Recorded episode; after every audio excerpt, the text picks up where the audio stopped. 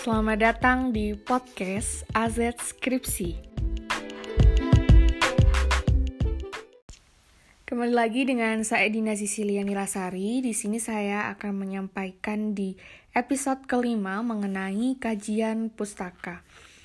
Nah, uh, pada episode-episode sebelumnya saya sudah menjelaskan mengenai rumus 231.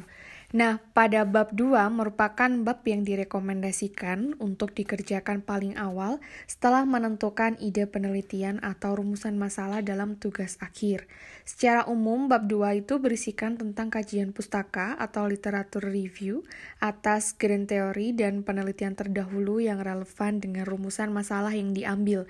Sehingga bab ini akan tegas menginformasikan apa perbedaan penelitian ini dengan penelitian sebelumnya serta mendasari penulisan hipotesis.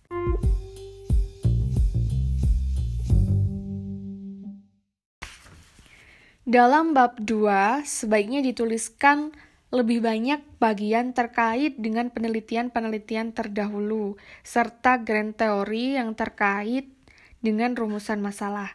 Oleh karena itu, tahap awal yang sebaiknya dilakukan antara lain yang pertama melakukan pencarian jurnal-jurnal atau penelitian dahulu yang terkait dengan rumusan masalah.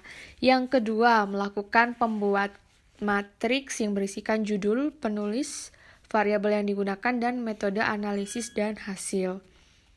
Setelah melakukan pencarian, review artikel dan merangkum jurnal atau penelitian yang relevan ke dalam matriks, maka yang dilakukan adalah menuliskannya menjadi sub bagian dalam bab 2. Berikut ini juga saya akan menjelaskan uh, melihat apakah bahan pustaka baik dari jurnal maupun dari penelitian yang digunakan relevan atau tidak. Yang pertama, review apakah rumusan masalah dan tujuan dalam penelitian tersebut sesuai dengan rumusan masalah yang diangkat dalam penelitian. Yang kedua, review model analisis yang dikembangkan dalam penelitian tersebut. Selanjutnya diidentifikasi apa sajakah dependent dan independent variabel yang digunakan. Yang ketiga, review hasil signifikansi dan hasil analisis hubungan antar variabel yang digunakan dalam penelitian tersebut, dan yang keempat, review hasil analisis, khususnya bagaimana penulis menjelaskan hubungan antar variabel. Secara umum, yang dituliskan dalam bagian bab 2 dapat diklasifikasikan sebagai berikut. Yang pertama ada bagian pendahuluan. Dalam bagian pendahuluan itu dijelaskan secara singkat hal-hal apa sajakah yang akan dituliskan dalam bab 2.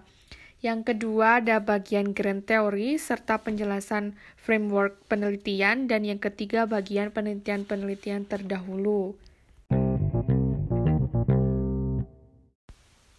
Nah, itu tadi yang dapat saya sampaikan di episode kali ini. Kurang lebihnya saya um, mohon maaf atas kata-kata yang mungkin kurang berkenan dan terima kasih kepada teman-teman yang sudah mendengarkan podcast saya dan di episode selanjutnya saya akan menjelaskan mengenai MedPen. Terima kasih.